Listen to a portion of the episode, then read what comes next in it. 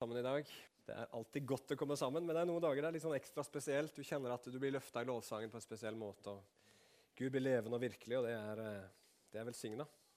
Han møter oss på forskjellige måter, og det er vi takknemlige for. Jeg har kjent meg leda i dag til å ikke fortsette akkurat denne helga med, med Johannes' åpenbaring, som vi jo ser på denne høsten her. Men eh, jeg følte meg leda til å, å dele rundt dette temaet her, som dere vet at er hele tiden på mitt hjerte. Dette med å tro på alt Guds ord. Tro på alt som står i Bibelen. Tro på det som Gud har åpenbart her. Og Jeg har lyst til å forsvare det litt i dag. Hvorfor vi tror på hele Bibelen. Og i parentes og hvordan finne hvile. Som vi skal komme litt inn på. Og Det er aktuelt hele tiden. Og det er spesielt aktuelt akkurat nå Eh, dere har kanskje fått med dere det som har skjedd i KRIK, Kristen idrettskontakt, i det siste. Eh, og I går så var det generalforsamling, og de stemte med, med flertall for da å åpne opp for at ledere kunne være eh, samlevende homofile eller samboere. Altså De sier de tror på ekteskapet mellom mann og kvinne, men samtidig så er det ikke så nøye om du praktiserer det allikevel. Eh, og det er jo så.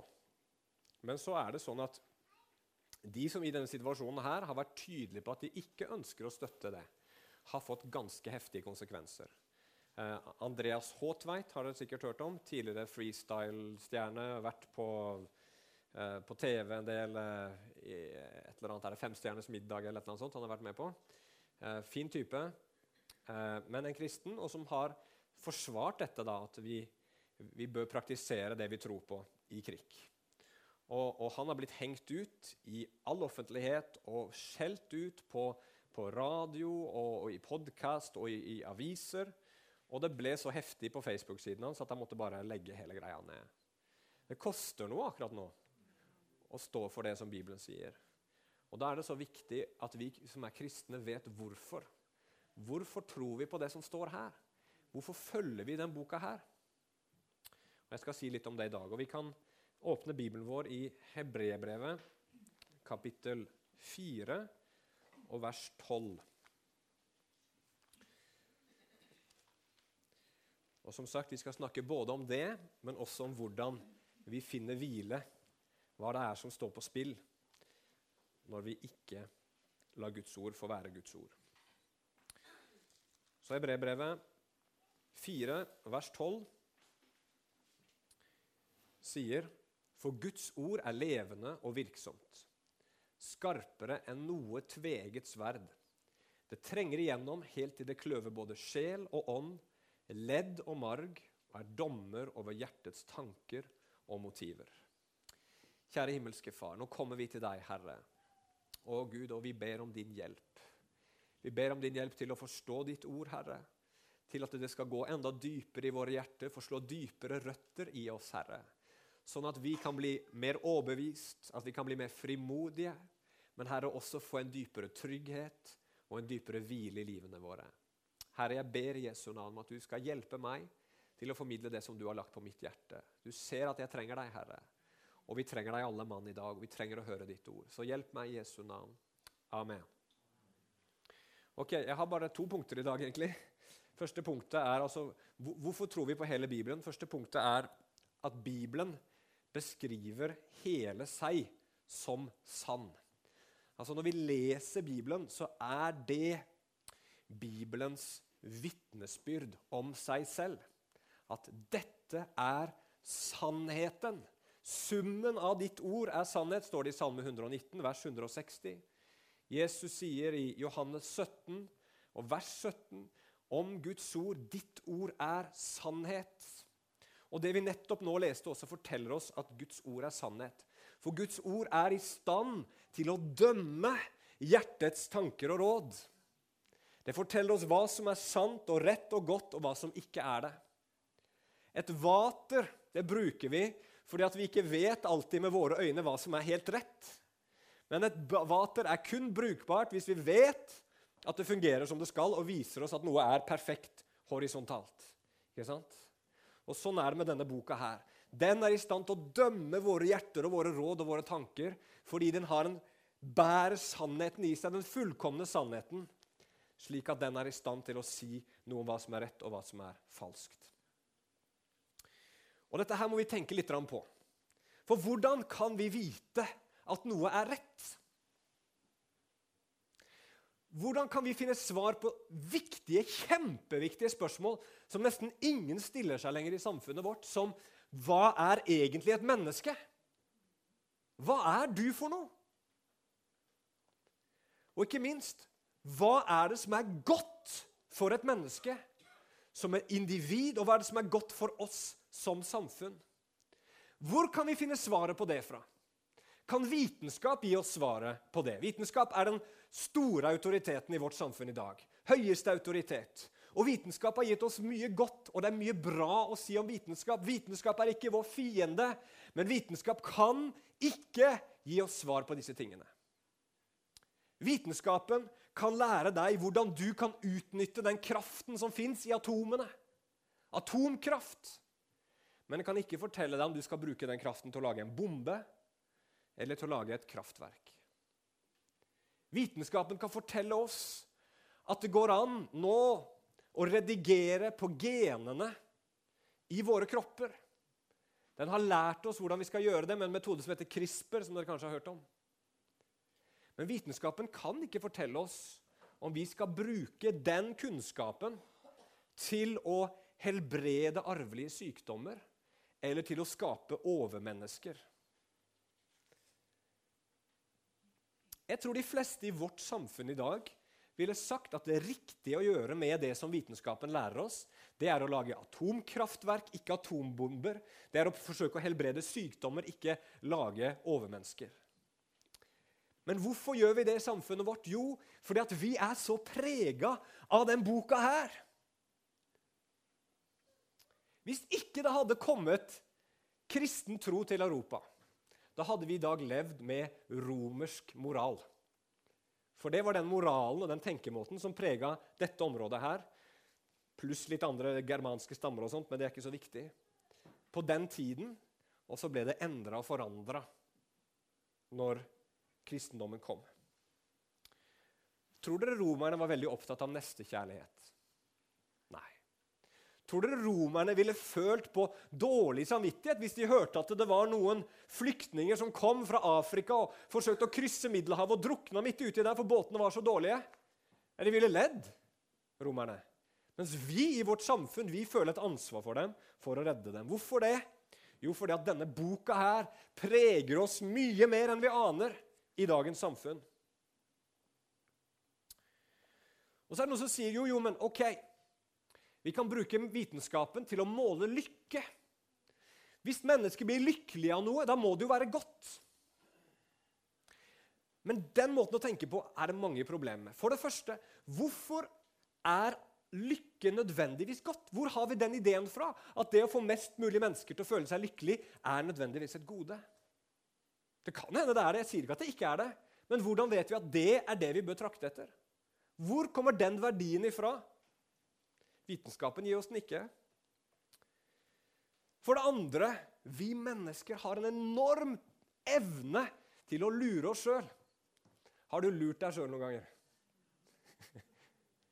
Over, ikke sant? Du kjøper en eller annen dårlig bil, og så må du liksom forsvare at du kjøpte den. at den, var, den er jo ikke så verst, liksom. Du prøver å lure deg sjøl, og ikke alltid tar du sannheten innover deg.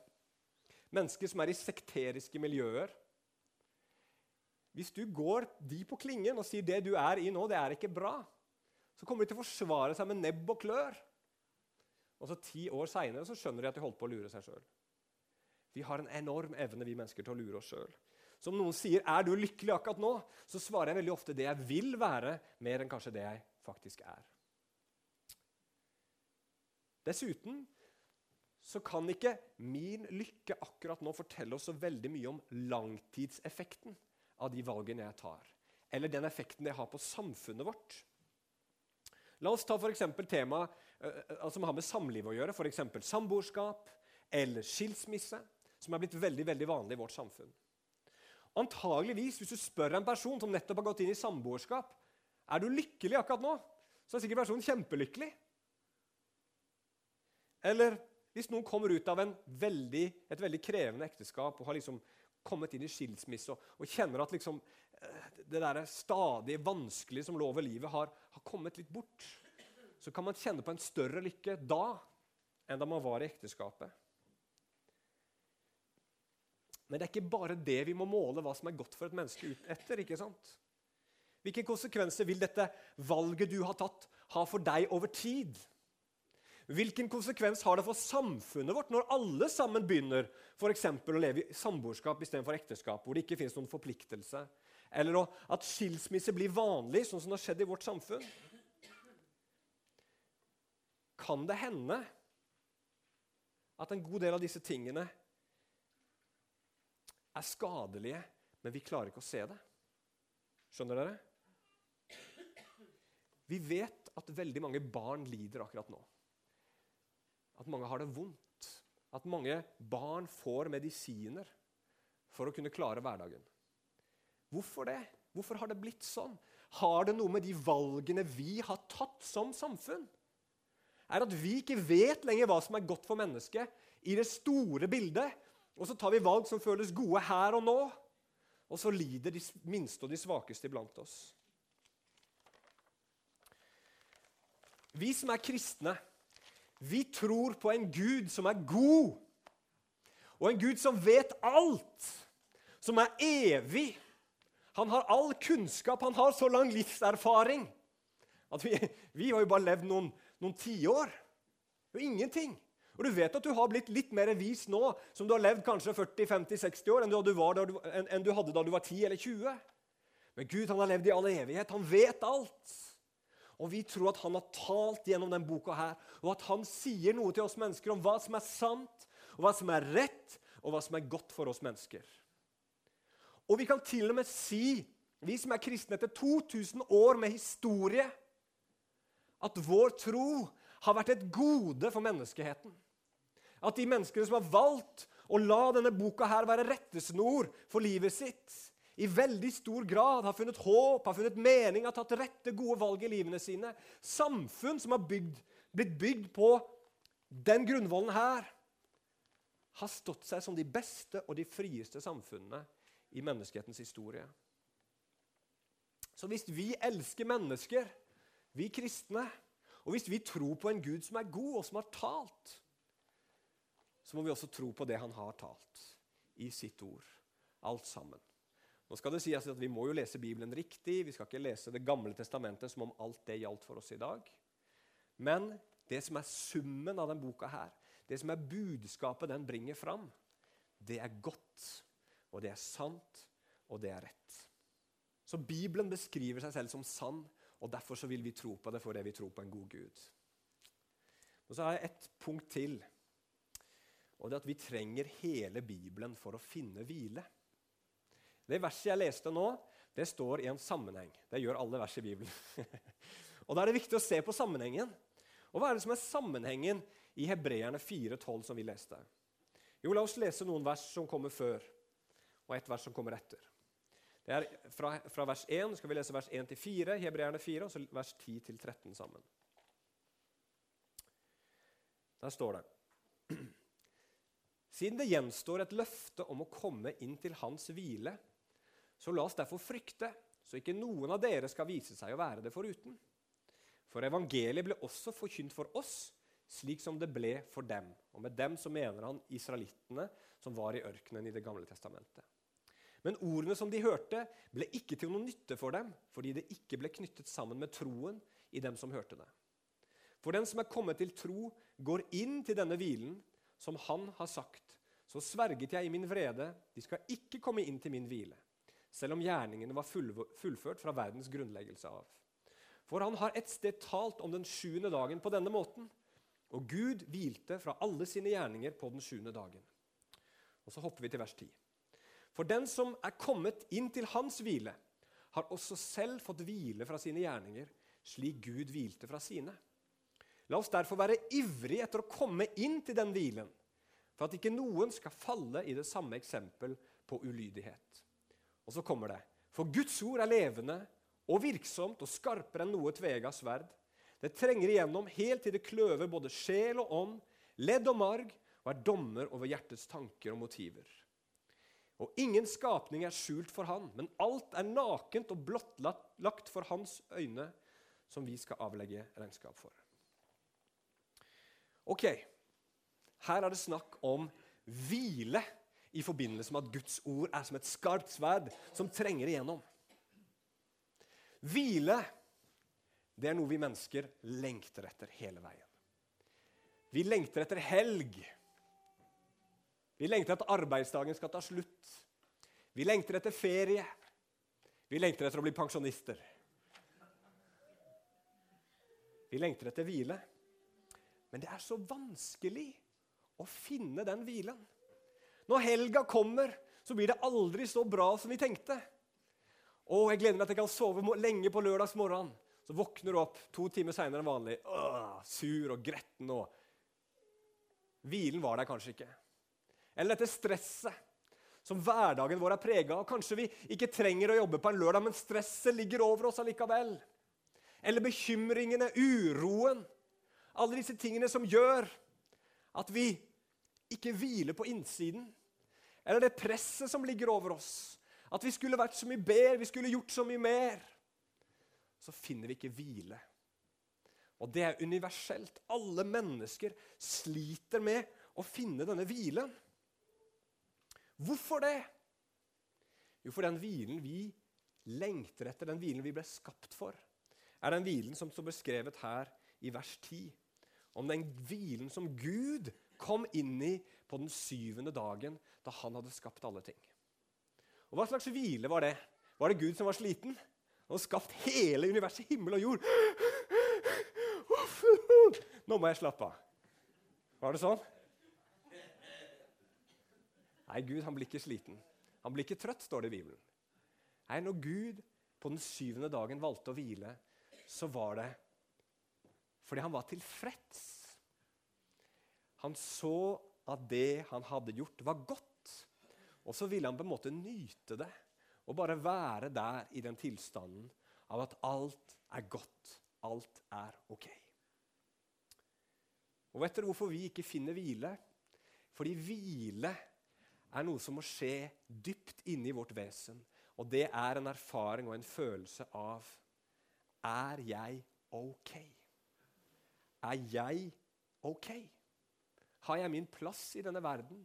Er min eksistens berettiga og rettferdiggjort? Er jeg et, et, et, et, menneske hvor alt er i orden? Så står det her om israelsfolket. De kom ikke inn i denne hvilen. står det. Hvorfor kom de ikke inn i hvilen? Hva var det som skjedde med israelsfolket som gjorde at den hvilen som de skulle komme inn i, den fikk ikke de? Hvis du leser i 4. Mosebok, kapittel 13 og 14, så står det om at Israels folk hadde reist helt fra Egypt gjennom ørkenen og kommet til grensa til det landet som Gud hadde lovt dem. Og Det var et land som skulle flyte med melk og honning. Og På den tiden så hørtes det kjempebra ut. Jeg vet ikke hvor mye dere liker melk og honning, men på den tiden så var det liksom helt topp. Der så de fram, der skulle de endelig komme hjem. De skulle få sitt sted å være. De skulle få hvile etter slavearbeidet i Egypt og den lange, strabasiøse ferden gjennom ørkenen. De skulle inn til hvilen.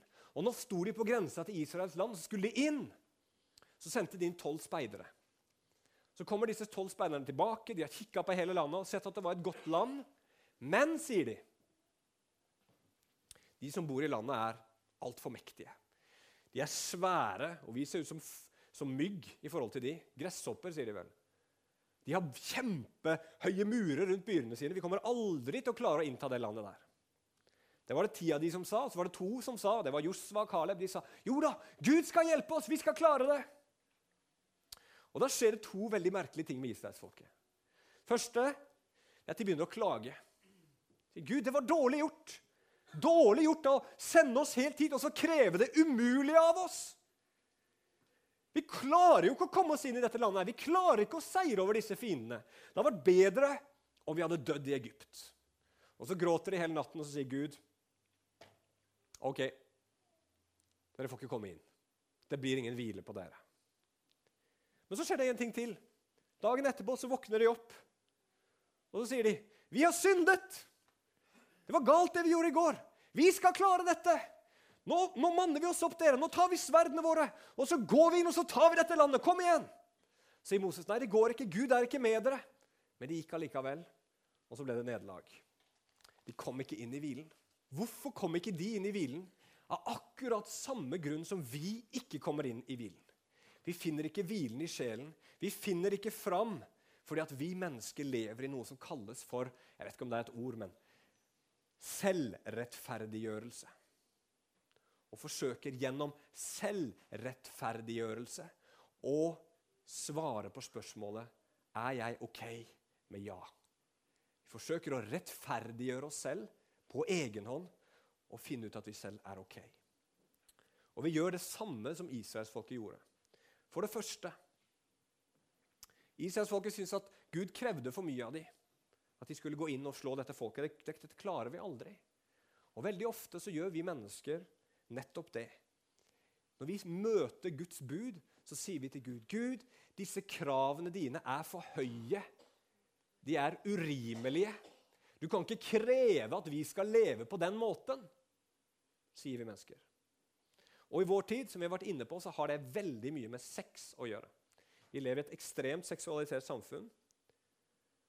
Og mennesker sier i dag det er ikke rett og det er ikke godt av Gud å kreve at sex bare hører hjemme i ekteskapet mellom en mann og en kvinne. Det er ikke rett. Hvordan forventer han at vi skal klare det? Og så sier vi å, vi er jo lykkelige, det er jo godt, det er jo bra, det gir oss noe. Vi vil følge lystene våre og finne lykke gjennom det. Og så sier vi oppsummert til oss selv, kollektivt til hverandre, du er god nok som du er. Du trenger ikke å, å, å bry deg om det Gud sier. Lev sånn som du vil. Så skal du si det, se at det blir bra. Men vi finner ingen hvile. Og Litt av beviset på det er nettopp det som skjer nå. Når det blir en sånn voldsom fordømmelse over oss som tenker annerledes, hva forteller det om de som fordømmer? At de har ingen hvile. Når du er nødt til å bli sint og uttrykke din misnøye og gå på Facebook og poste og, og, og, og si stygge ord om mennesker, så har du ingen hvile på innsiden. Du har det ikke godt inni deg. Du finner ikke hvile. Og Sånn er det om vi senker kravene og sier Gud, dine krav de, de er ikke så viktige. Og så tror vi at vi skal finne hvile, så finner vi ingen hvile. Eller vi kan gjøre sånn som Israelsfolket gjorde dagen etterpå. Vi kan bestemme oss for at jo, men vi skal klare dette. Vi skal oppfylle kravene. Vi kan få dette til. Kom igjen! Dette skal gå bra. Og I det religiøse så blir det veldig ofte at vi tenker at vi skal bygge vår følelse av verdi. Vi skal bygge vår fred på det at vi klarer å følge budene. Jeg er noe fordi at se, jeg lever etter det og det, det budet. Og, og, og når jeg klarer det, så skal jeg føle fred på innsiden. Og nå har jeg gjort noe godt. Å, nå har jeg fred med meg selv. Men ikke bare religiøse mennesker lever sånn, sekulære mennesker lever sånn også. Vi kan prøve å finne vår verdi, vi kan prøve å finne vår fred gjennom å arbeide hardt for å lykkes, for å oppnå våre mål og våre drømmer. Bare jeg blir lege, da er jeg noe. Bare jeg får nok penger, bare jeg får et hus, bare jeg får ditt, bare jeg får datt, bare jeg klarer å vise at jeg er noe, da blir det nok fred. Da føler jeg nok at jeg har min plass i denne verden. Men kanskje også vel så mye i vår tid gjennom en slags sekulær religion som er knytta til toleranse eller miljøvern. Sånn jeg er et godt menneske, for jeg, jeg, bryr meg om miljøet. Se, jeg reiste ikke på ferie med fly i år. Jeg tok tog. Jeg er et godt menneske. Men vi er sånn, vi mennesker. Alle sammen. Men vi finner ingen hvile der heller. For det blir aldri godt nok. Kanskje kjørte du med tog i går, men så måtte du ta bilen i dag for du hadde så dårlig tid.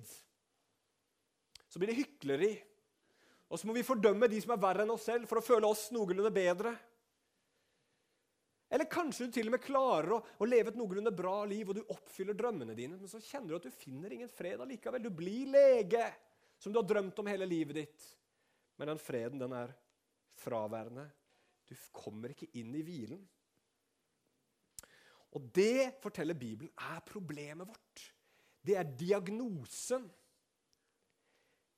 At vi pga. synden hele veien jobber i det moduset at vi vil rettferdiggjøre oss selv. Sånn er absolutt alle mennesker. Og når vi mennesker er innstilt på det, når vi er kobla sammen på den måten, så blir det veldig vanskelig for oss å være mottagelig for sannheten. Derfor blir vi sånn som Jesus sier, At vi ser så lett flisen i vår brors øye. Men bjelken i vårt eget øye Så tenk deg å gå rundt med en bjelke i øyet og ikke se den. Det forteller at det er et eller annet grunnleggende galt. Vi er bygd, ikke bygd, men vi har blitt pga. synden sånne mennesker som hele veien vil rettferdiggjøre oss selv. Og hva trenger vi da? Jo, da trenger vi et sverd. Vi trenger en sannhet som trenger igjennom hele vårt vesen og går rett inn i hjertet vårt for å dømme våre tanker og våre motiver. For å avsløre hvem vi virkelig er. At vi ikke er sånne mennesker som jo, vi gjør dumme ting, men vi er gode på bunnen. Sånn som de fleste tenker at vi er i dag, men som nettopp bare er et symptom på selvrettferdiggjørelsen. Jeg er egentlig god på bunnen. Nei, på bunnen fins det noe råttent som kalles selvrettferdiggjørelse. At vi hele veien prøver å rettferdiggjøre oss sjøl. Og Det er derfor vi trenger hele Bibelen. Noe skarpt. Denne boka her er skarp. Det er derfor folk reagerer hele veien på den. Den er skarp. Og jo mer vi tar bort av det som står i Bibelen, jo sløvere og sløvere blir eggen, jo sløvere og sløvere blir spissen.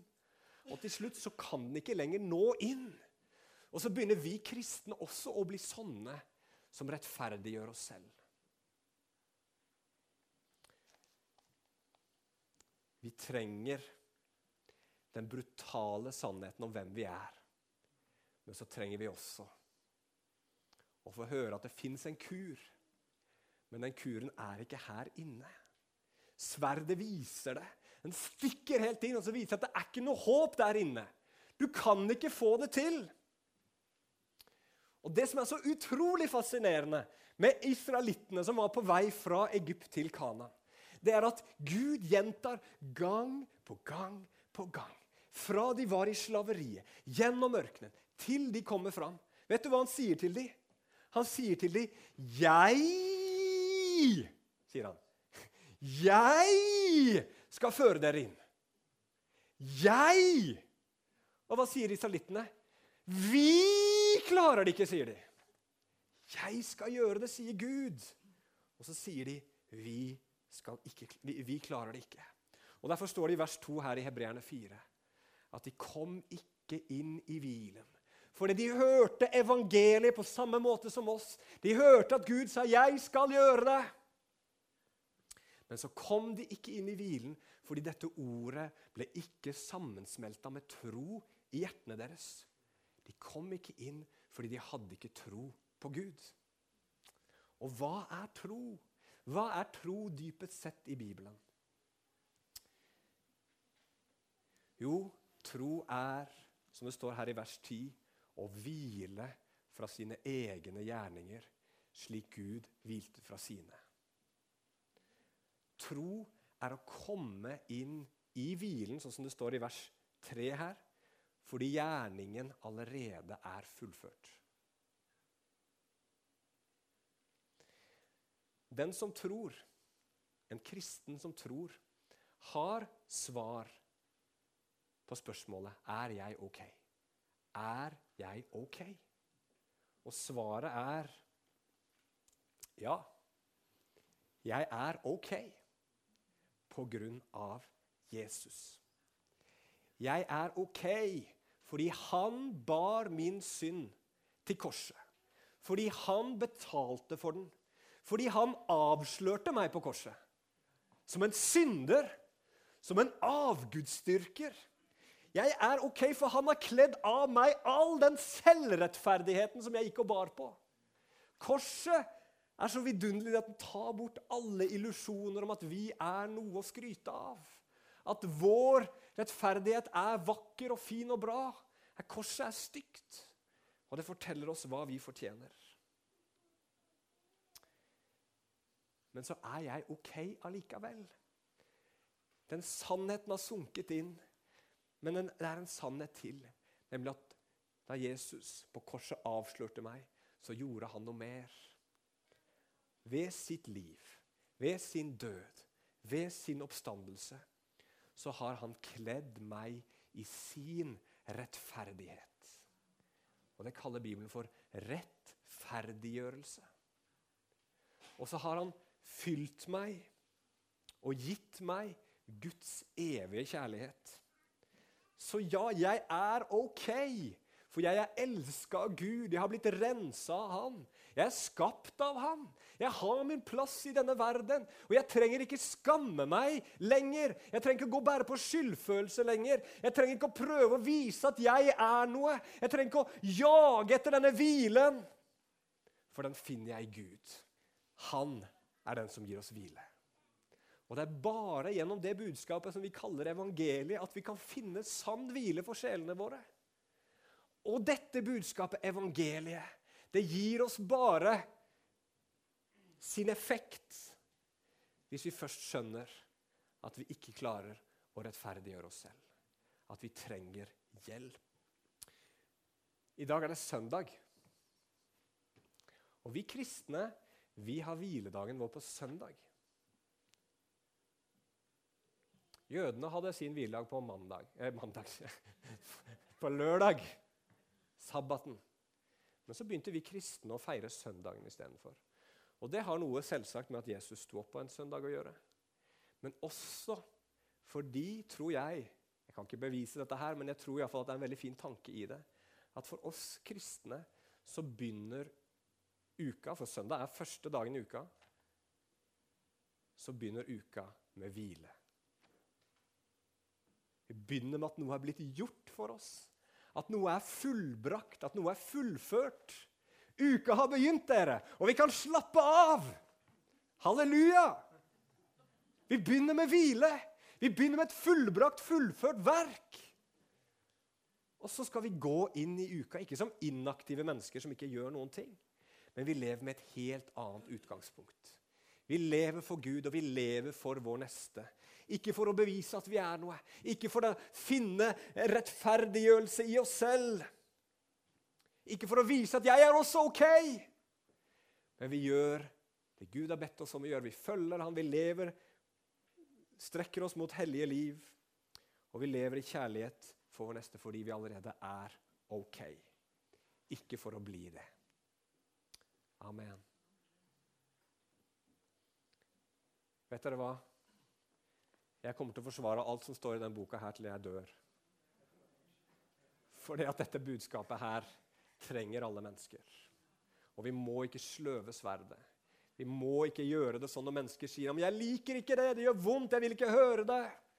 Så må, ikke, så må vi si 'ja, men hør'. Gud har satt det der for at du skal forstå at du trenger Han. Du trenger hjelp. At ikke du klarer det sjøl. At du er ikke god nok. Men han er mer enn god nok. Og det vil Gud at du skal få se. Og Så kan du få lov å legge av synden og så kan du leve et annerledes liv. Så kan du merke at det livet er mulig, men det er mulig pga. hans kjærlighet, det er mulig pga. hans ånd som kommer inn på innsiden av deg, hans kraft. Dette ordet må vi holde fast ved. For det er der verdens håp ligger. At vi har et klart budskap, så verden kan forstå at de trenger Jesus. Amen. Skal vi be. Kjære himmelske Far. Herre, vi takker deg for du er levende til stede her. Jesus Kristus. Og du kommer med ditt skarpe, gode ord fordi du vil operere på vår sjel. Fordi du vil ta vekk de falske gudene og de falske grunnvollene i vårt liv, Herre, som ikke holder. Du vil avsløre de falske, tomme brønnene, Herre, som, som er sprukne og inneholder dårlig vann, Herre. Du vil avsløre det alt sammen fordi du vil at vi, ditt folk, skal få drikke og drikke oss utørste på kilden med det levende vannet som du gir til alle de som tror på deg. Herre, jeg ber om at du må gi oss frimodighet i møte med verden, som, som kaller oss onde mennesker, som hater oss, som eh, som omtaler oss som ugjerningsmenn, som det står i ditt ord. Men Herre, vi kan ikke annet enn å tale om det vi har sett og hørt. Herre, Verden trenger sannheten, og det er sannheten og bare sannheten som setter fri. Jesus. Og vi ber om at vi skal få se en tid nå hvor vi som er kristne, kan være frimodige. Herre, om de kaller oss mørkemenn, så vet vi at vi er ikke det. Vi er lysets tjenere. Vi sier nei til synden og ja til livet. Vi sier nei til mørket og ja til lyset. Å, Herre, må vi være så frimodige. Må ditt folk igjen få kjenne på frimodigheten, Herre. At vi vil stå for det du har sagt, og ikke, ikke, ikke vike av. Og så vet vi at vi alle kommer til kort. Ingen av oss har levd sånn som vi skal. Og Vi står ikke med verden og sier 'se på oss, hvor gode og flinke vi er'. Nei, Vi sier bare 'se på Jesus, hvor god han er'. For vi trenger han hver eneste dag. Vi trenger hans nåde. Og det gjør dere også. I Jesu navn. Amen.